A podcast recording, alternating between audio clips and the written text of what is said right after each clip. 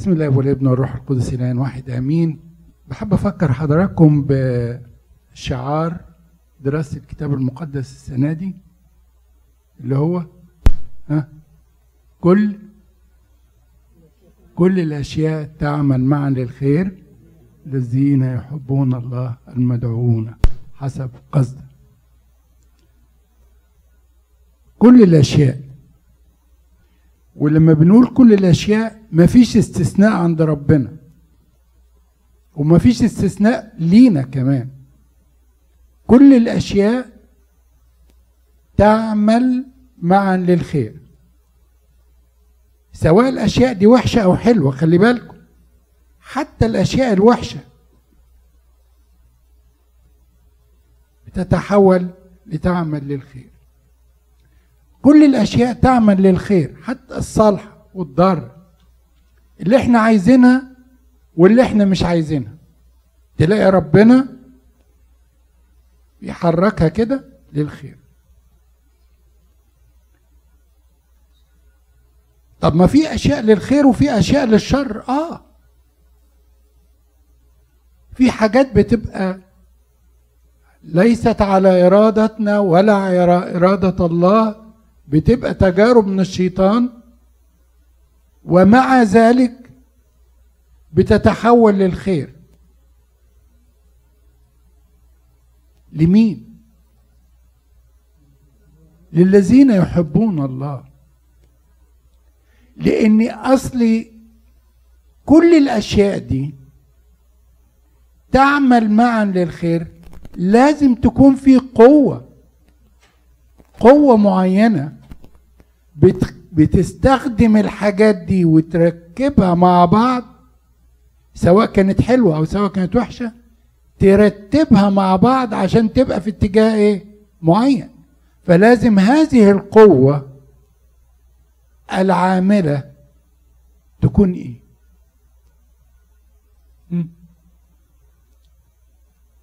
مواصفات هذه القوة إيه؟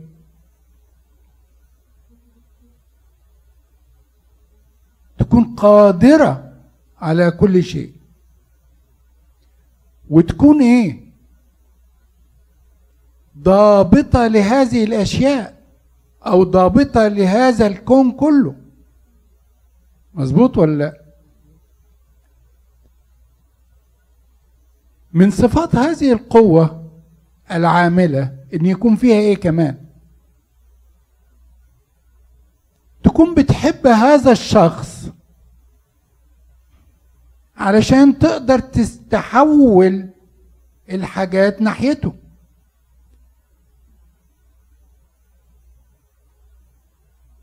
هذا الحب نحن نبادله حب من عندنا. عشان كده بيقول كل الأشياء تعمل معا للخير للذين إيه؟ يحبون الله. وفي يوحنا واحد بيقول إيه؟ نحن نحبه لأنه إيه؟ أحبنا اولا.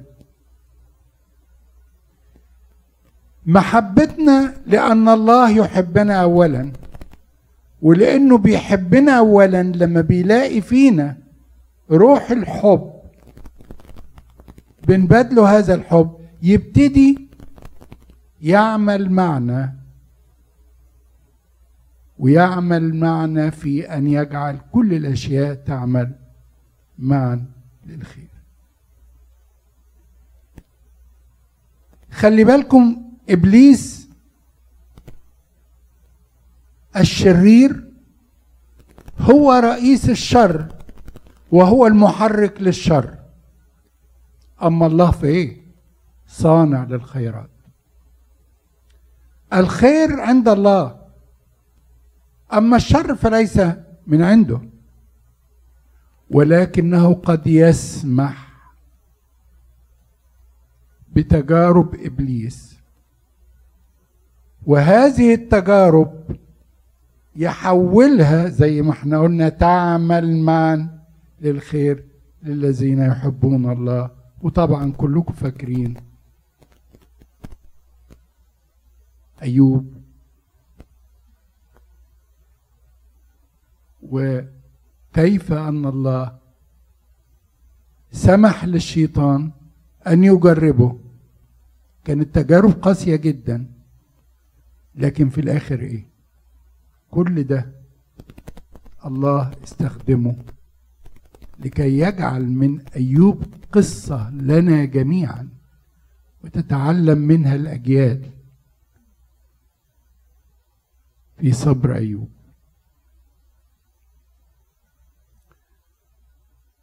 الله الذي يحول كل شيء للخير لاولاده صفاته حلوة قوي محب ضابط للكل وإلا ما كانش يقدر يحرك كل الأشياء لكي تعمل للخير. وقادر على كل شيء لأنه لا يستحل على الرب شيء.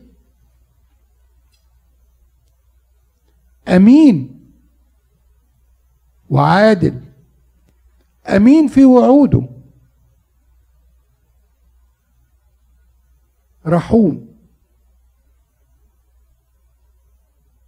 عارف ضعف بشريتنا وعارف ضعف كل البشر.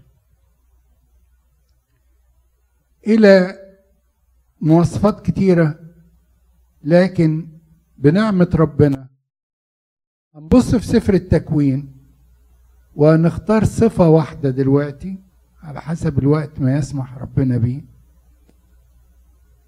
ونتكلم عن صفة من صفات الله. ناخد ضابط الكل. لأن لو نظرنا إلى الله وعرفناه كويس قوي أنه ضابط الكل في كل شيء الصغيرة والكبيرة وهنشوف الكلام ده في سفر التكوين دلوقتي. إله محب ضابط كل شيء ده نرتمي في أحضانه واطلب منه إنك أنت تكون معايا دايما. لن أتركك حتى تبارك.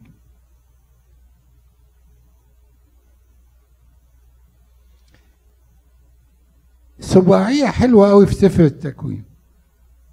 في سبع شخصيات محورية رئيسية. تعالوا نشوفهم كده مع بعض. أول شخصية مين؟ ها. آدم. قبل إبراهيم في مين؟ شخصية محورية. نوح. نوح. ها؟ إبراهيم. وبعدين؟ إسحاق.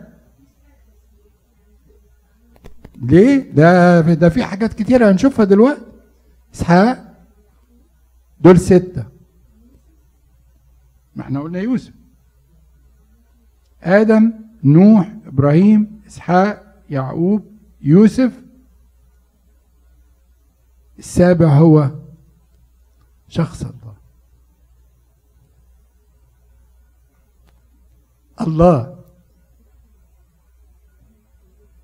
بالظبط كده. هو المحرك اللي هنشوفه دلوقتي في الشخصيات وفي السفر كله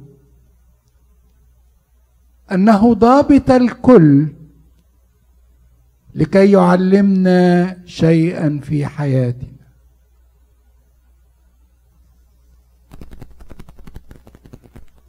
على فكرة ضابط الكل صفة بتركز عليها الكنيسة دايما في كل صلواتنا. فاكرين فين ها في صلاة إيه؟ صلاة بنصليها لا في ضابط الكل ها. فلنشكر ها. ضابط الكل الرب إلهنا وبنكررها تاني. في حاجة تانية بنقولها ومهمة جدا. في قانون بالحقيقة إيه؟ إله واحد الله الأب إيه؟ ضابط الكل. الكنيسة بتركز على الحتة دي. أن الله ضابط الكل. فلماذا تخافوا؟ ليه تنزعجوا؟ لأنه ضابط الكل وأن كل الأشياء تعمل معا للخير. العالم يريد لنا شرا ولكن الله يريد لنا الخير دائما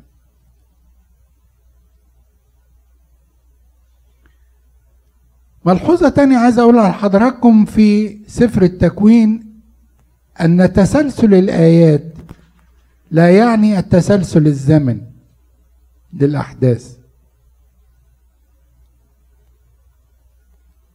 ليه؟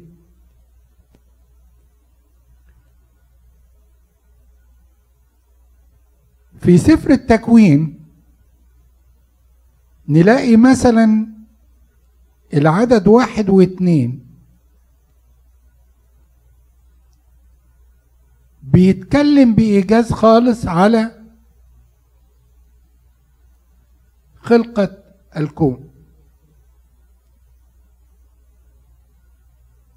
وبعدين يبتدي بعد كده من عدد ثلاثة يشرح بقى في اليوم الأول إيه وفي اليوم الثاني إيه وفي اليوم الثالث إيه. في عدد سبعة وعشرين ذكر خلقة آدم أو الإنسان وجه في أصحاح اتنين وابتدى يشرح تفصيل خلقة آدم وتوضيح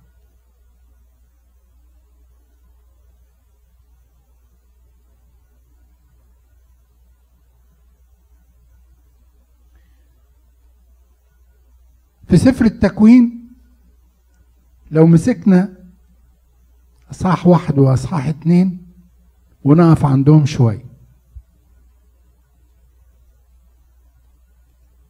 قال الله ليكن نور.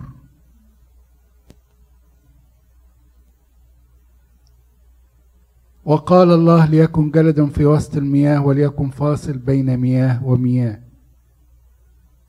وقال الله لتنبت الأرض عشبا وبقلا لتكن أنوار في جلد السماء لتفصل تفصل بين النهار والليل وتكون لآيات وأوقات وأيام وسنين.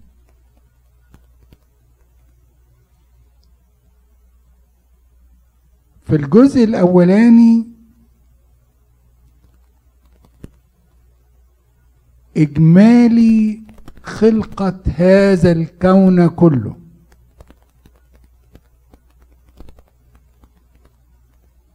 خلقة كاملة. ليكن نور.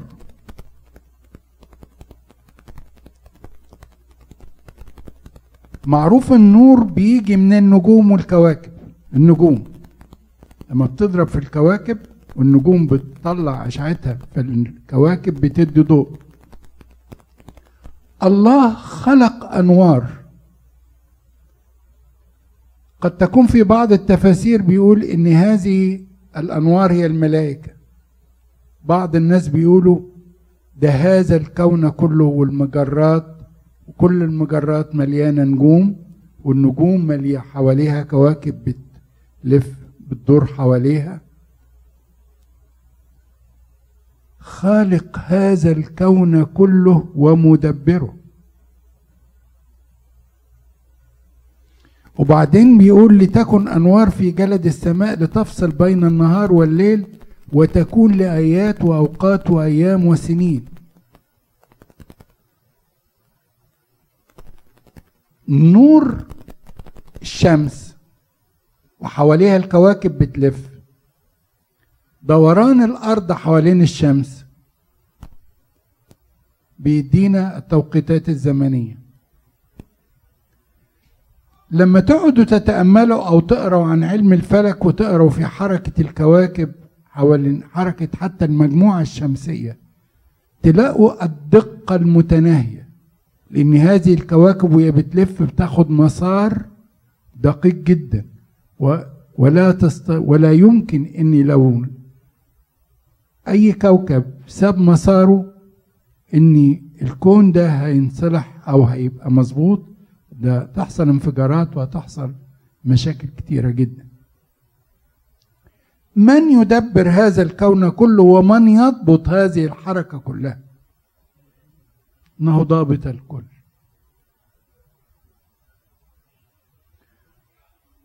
ضابط الكل.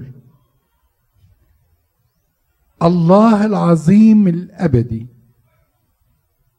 خالق هذا الكون كله ومدبره ومسيره بحكمته. ضابط الكل. هذا ضابط الكل في هذه العظمة وهذا المجد وفي هذا المكون الرهيب من الكون. تعالوا نبصوا حتى في دقائق الإنسان ضابط الكل. بيقول خلق آدم ثم خلق حواء بطريقة إعجازية.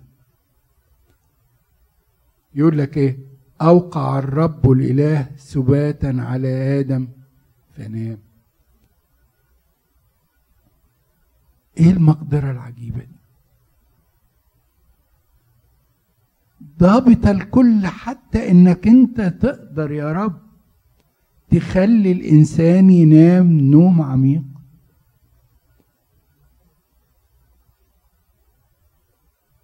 ضابط الكل اللي خلق الكواكب والنجوم وهذه المجرات يحرك الخلايا الداخلية في الإنسان وفي عقل الإنسان ويعطيه نوما. وياخد منه جزء من جسمه ويبني عليه شخصية تانية. إنه ضابط الكل. ضابط حتى أجزاء تركيب جسم الإنسان من جوه. يستطيع أن يحركها ويستطيع أن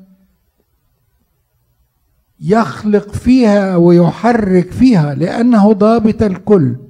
ضابط الكل في الداخل في الجسم الصغير في الكائن الصغير وضابط الكل في هذا الكون كله.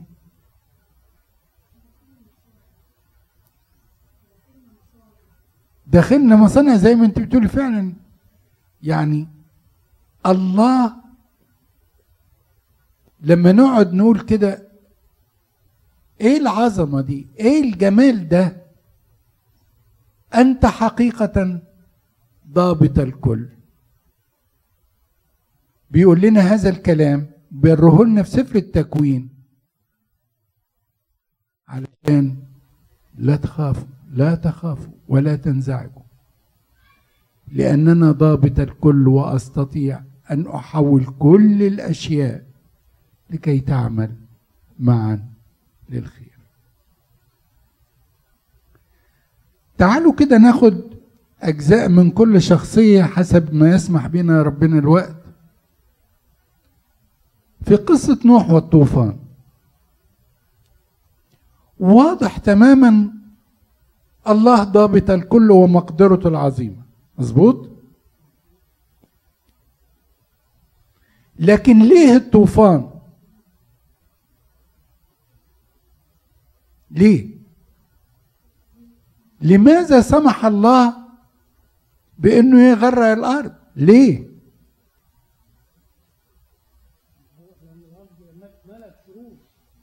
ملت شرور. ماذا سؤال؟ ماذا لو ترك الله البشر الأشرار يصنعون الشر دون رجوع وتوبة. كان يحصل إيه؟ كانت الأرض دي هتبقى إيه؟ انتهت. خلاص. لكن لأن الله يريد أن يبقي الإنسان في صورة حسنة لأنه وعد بأنه هيخلصه وهيرده. لا. كل مرحلة كده يعمل عملية فصل وتهذيب. حتى لا يستشري الشر. الطوفان اظهر أن الله ضابط الكل. والطوفان اظهر لنا أيضا. محبة الله في وعده إنه إيه؟ لا أعيد لا أعود وأفني العالم مرة أخرى.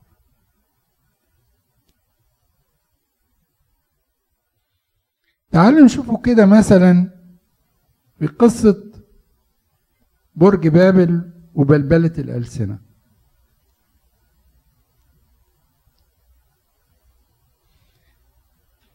ضابط الكل يستطيع أن ينطق الإنسان الأفراد بلغات معينة لأنه ضابط الكل ويستطيع أن يحرك المفاهيم اللي جوه وننطق بلغات معينة لكن هل كان ذلك لخير البشرية؟ فكروا كده إن تعدد الألسنة؟ ها؟ أقول لكم أحد التأملات. بيقول تخيلوا إن الناس كلهم لغة واحدة. هل كان يبقى فيه تميز بين واحد وواحد؟ لكن الله سمح بهذه البلبلة والألسنة علشان أنا أعرف عربي كويس قوي موجود في وسط ناس بيتكلموا لغة تانية لغة أجنبية تانية. أنا بلغتي أبقى مميز. فالله يستخدم هذا التميز اللي فيا لكي يكون خير ليا فأجد فرصة كويسة جدا. تأمل تاني في نفس الجانب بيقول إيه؟ إني واحد قاعد متضايق من المكان اللي هو فيه. فبيقول أنا عايز أهاجر عايز أروح بلد معينة بس أنا ما أعرفش اللغة. فاللغة عائق لأنه الله سمح له إنه ما يعرفش إلا هذه اللغة اللي هو فيها لأن لو سافر قد يكون ذلك يقوده إلى السقوط وإلى خطية. في العالم الثاني فتعدد اللغات لخير البشرية ولخير الإنسان وليس كان عقابا للناس. تعالوا ناخد كده إبراهيم وإسحاق ويعقوب ناخد كل واحد موقف أو اتنين في حياتهم. ونشوف الله ضابط الكل عمل إيه.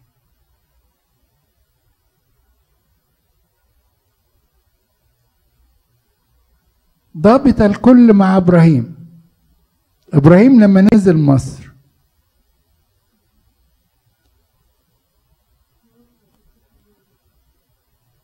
ربنا عمل إيه؟ لأنه ضابط الكل وقلوب الحكام كمجار المياه في يديك يا الله. فضرب الرب فرعون وبيته ضربات عظيمة بسبب سراي امرأة إبراهيم. أنت ضابط الكل تنظر كل شيء وتراقب كل شيء مش سايب إبراهيم. نزل مصر آه. ورغم كل اللي عمله إبراهيم الله لم يتركه. وحافظ على إبراهيم وعلى زوجته وضرب فرعون فأوصى عليه فرعون رجالا فشيعوه امراته وكل ما كان له.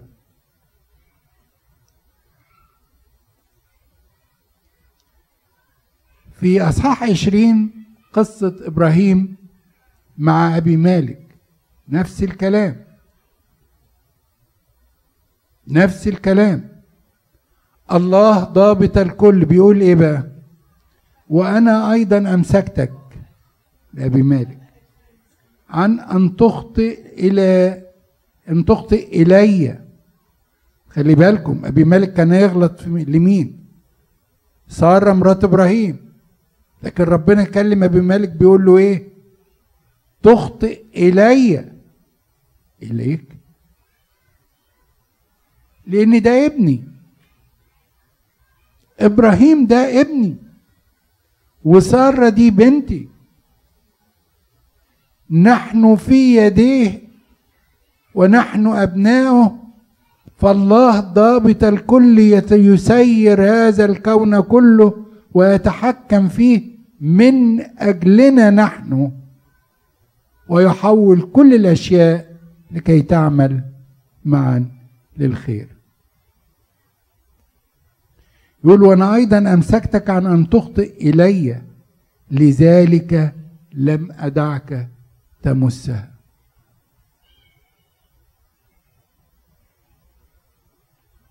مش بس كده ربنا عمل إيه؟ أغلق كل رحم لبيت أبي مالك بسبب ساره امرأة إبراهيم. ضابط الكل. ضابط الكل. لكي نعلم تماما أن ضابط الكل هذا هو الذي يحبنا ويسيج حولنا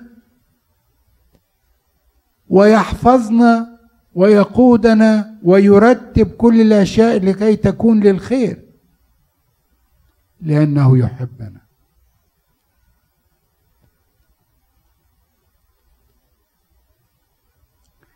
تعالوا نشوف في إصحاح 24 قصة زواج إسحاق من رفقة. لو تقرأ القصة كده تشوفوا الله ضابط الكل. ضابط الكل. الزمان والمكان. خلي بالكم. اليعازر مشي. هو مش عارف. مين اللي مين اللي هتطلع ومين اللي هيختارها؟ هيختار مين؟ هو مش عارف. لكن شوفوا التوقيتات ماشية إزاي. ضابط الكل. في نفس اللحظة اللي اليعازر الدمشقي وقف وقال له يا رب إن الست اللي المرأة اللي هتيجي وتخليه وتسقيني وتسقي الجمال بتاعي هي اللي أنت هتختارها. في هذه اللحظة جت رفقة وطلب منها أن تسقيه. وجعلته يشرب وسقط الجمال. وتطلع رفقة مين؟ ابنة بتوئيل ابن ناحور اللي هو كان أخوه إبراهيم.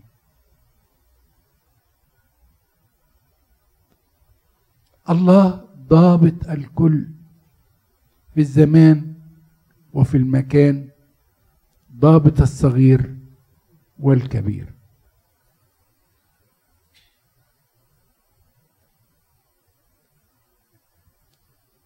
نبص على إسحاق كده؟ إسحاق ما اتكتبش كتير قوي عنه. يا دوب إصحاحين اتنين. لكن نشوف برضو الله ضابط الكل يستطيع أن يعمل إيه.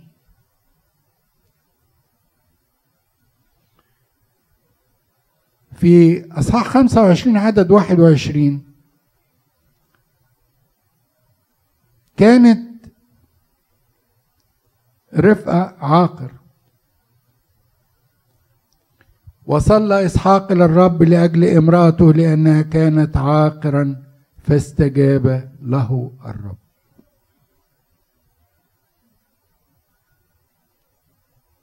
تزعلان يا إسحاق؟ تكوينات الجسدية دي كلها أنا اللي عاملها. خافش سوف تلد.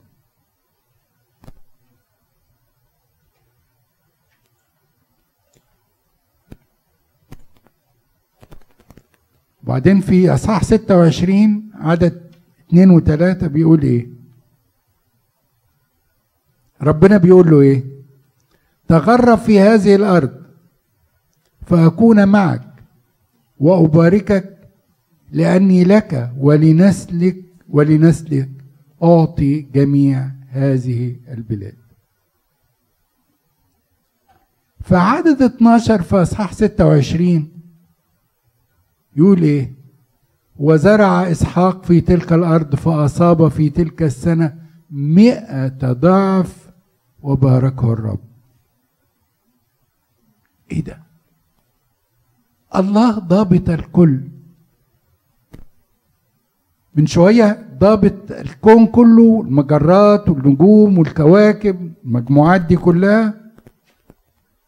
تعالوا بصوا حتى في الحاجات الصغيرة في النباتات. خلى النباتات اللي زرعها إسحاق الزرع اللي زرعه إسحاق مئة يعطي مئة ضعف. ويبارك في حاجات إسحاق ويخليه عظيم جدا لدرجة إن أبي مالك ملك فلسطين يقول له لا ده أنت بقيت عظيم جدا تعالى بقى نعمل معاهدة. خاف منه. الله ضابط الكل.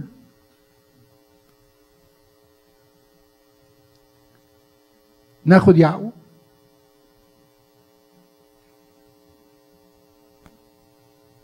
ناخد يعقوب. الله ضابط الكل وعيناه تخترق أستار الظلام والكل عريان مكشوف أمامه. يعقوب انت اتجوزت ليه غصب عنك؟ ماشي. ما بتحبهاش؟ ماشي. لكن أنا مش هسيبها. ورأى الرب أن ليئة مكروهة يسيبها؟ ففتح رحمها. أما راحيل فكانت عاقل الله ضابط الكل. ضابط كل شيء. وما يسيبش حاجة للصدفة. ترتيبه عجيب جدا. وفي أوقات معينة يصنعها الله لأنه إيه؟ ضابط الكل.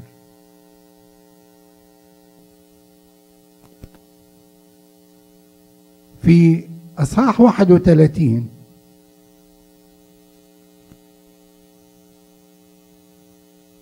بعد ما يعقوب خدم لابان وانتوا عارفين القصة وسمعتوها. ولابان وولاده ابتدى يغيروا كده على يعقوب وعايزين يعني يقضوا عليه. لأن معتبرين إن هو خد أملاكهم. فيعقوب كان محتار. فأمام الله رفع قلبه لربنا في عدد ثلاثة بيقول له وقال الرب ليعقوب ارجع إلى أرض آبائك وإلى عشيرتك فيكون معك. وانتوا عارفين القصة إنه خد رحيل وخد ليئة وخد الجريتين والمواشي بتوعه والرجال بتوعه ومشي. لبان عرف فطلع وراه هو وولاده عشان يجيبوا يعقوب تاني وينتقموا منه. ربنا يسيب الأمور. ضابط الكل. ضابط الكل. وأتى الله إلى لابان. الارامي خلي بالكم إن لابان كان بيعبد أوثان. وأتى الله إلى لابان الارامي في حلم بالليل وقال له احترز أن تكلم يعقوب بخير أو شر. خافش. ما تخافش. أنا وعد.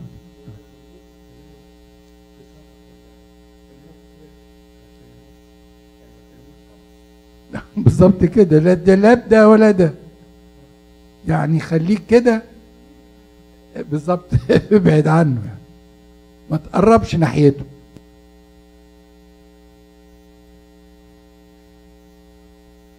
تعالوا نقرا في عدد 29 صح 31 بيقول له لابان إيه؟ لابان بيقول ليعقوب. في قدرة يدي. خلي بالكم. في قدرة يدي أن أصنع بكم شرا. ولكن إله أبيكم كلمني البارحة قائلا. احترز من أن تكلم يعقوب بخير أو شر.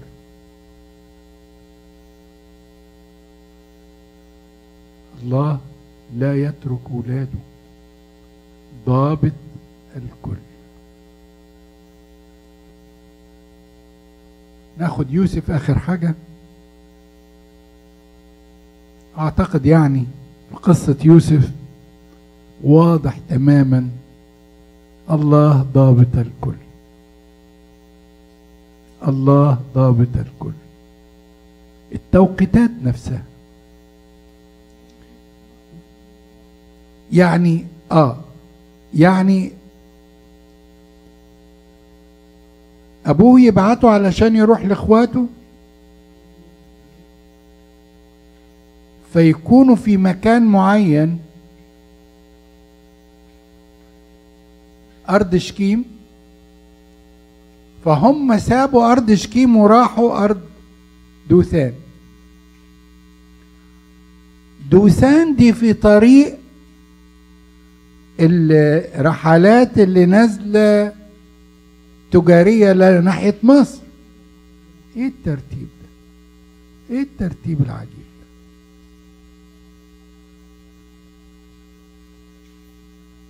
يرموه في البير وبعدين يبيعوه للإسماعيليين أو المديانيين. هم هم على فكرة الاثنين المديانيين والإسماعيليين واحد لأن ربنا بيرتب وهنشوف بعد كده إن يوسف نفسه بيقول لهم بيقول لهم مش أنتوا اللي جبتوني هنا ده ربنا هو اللي جابني لأنه ضابط الكل. أنتوا حي رمتوني في البير وبعتوني للإسماعيليين. حي أنا جيت تعبت شوية. لكن خلي بالكم الجميل في القصة نفسها الله الإسماعيليين يبيعوه لمين؟ ما كان يبيعوه ممكن أي حد يشتري يوسف عبد مش مشكلة أي حد. ويوسف كان جميل جدا على فكرة. كان ممكن أي حد يشتريه. لا ده باعوه لفوطيفار يعني الناس دول أكيد كانوا واصلين لرئيس الشرطة اللي هو فوطيفار ليه يا رب؟ ليه تخليه يروح يتباع لفوطيفار ليه؟ عشان أوصله لفرعون. طب هتوصله إزاي؟ هيوصل إزاي لفرعون؟ ده هو عبد عنده والراجل مبسوط منه حاجة هيصة جميلة خالص يعني. وحاطيله كل مفاتيح البيت. إيه ده؟ لا لا لا لا. يوقعوا في المشكلة الرهيبة اللي وقع فيها. ومرات فوتيفار تتهمه. فياخدوه يرموه في السجن. طب ما في سجون تانية. لا ده يرميه في السجن. السجن اللي بيتسجن فيه مين؟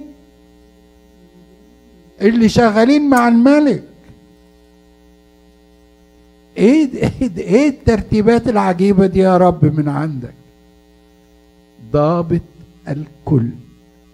ضابط الكل في التوقيت والزمان والمكان. الله وكان الرب مع يوسف فكان رجلا ناجحا في كل شيء.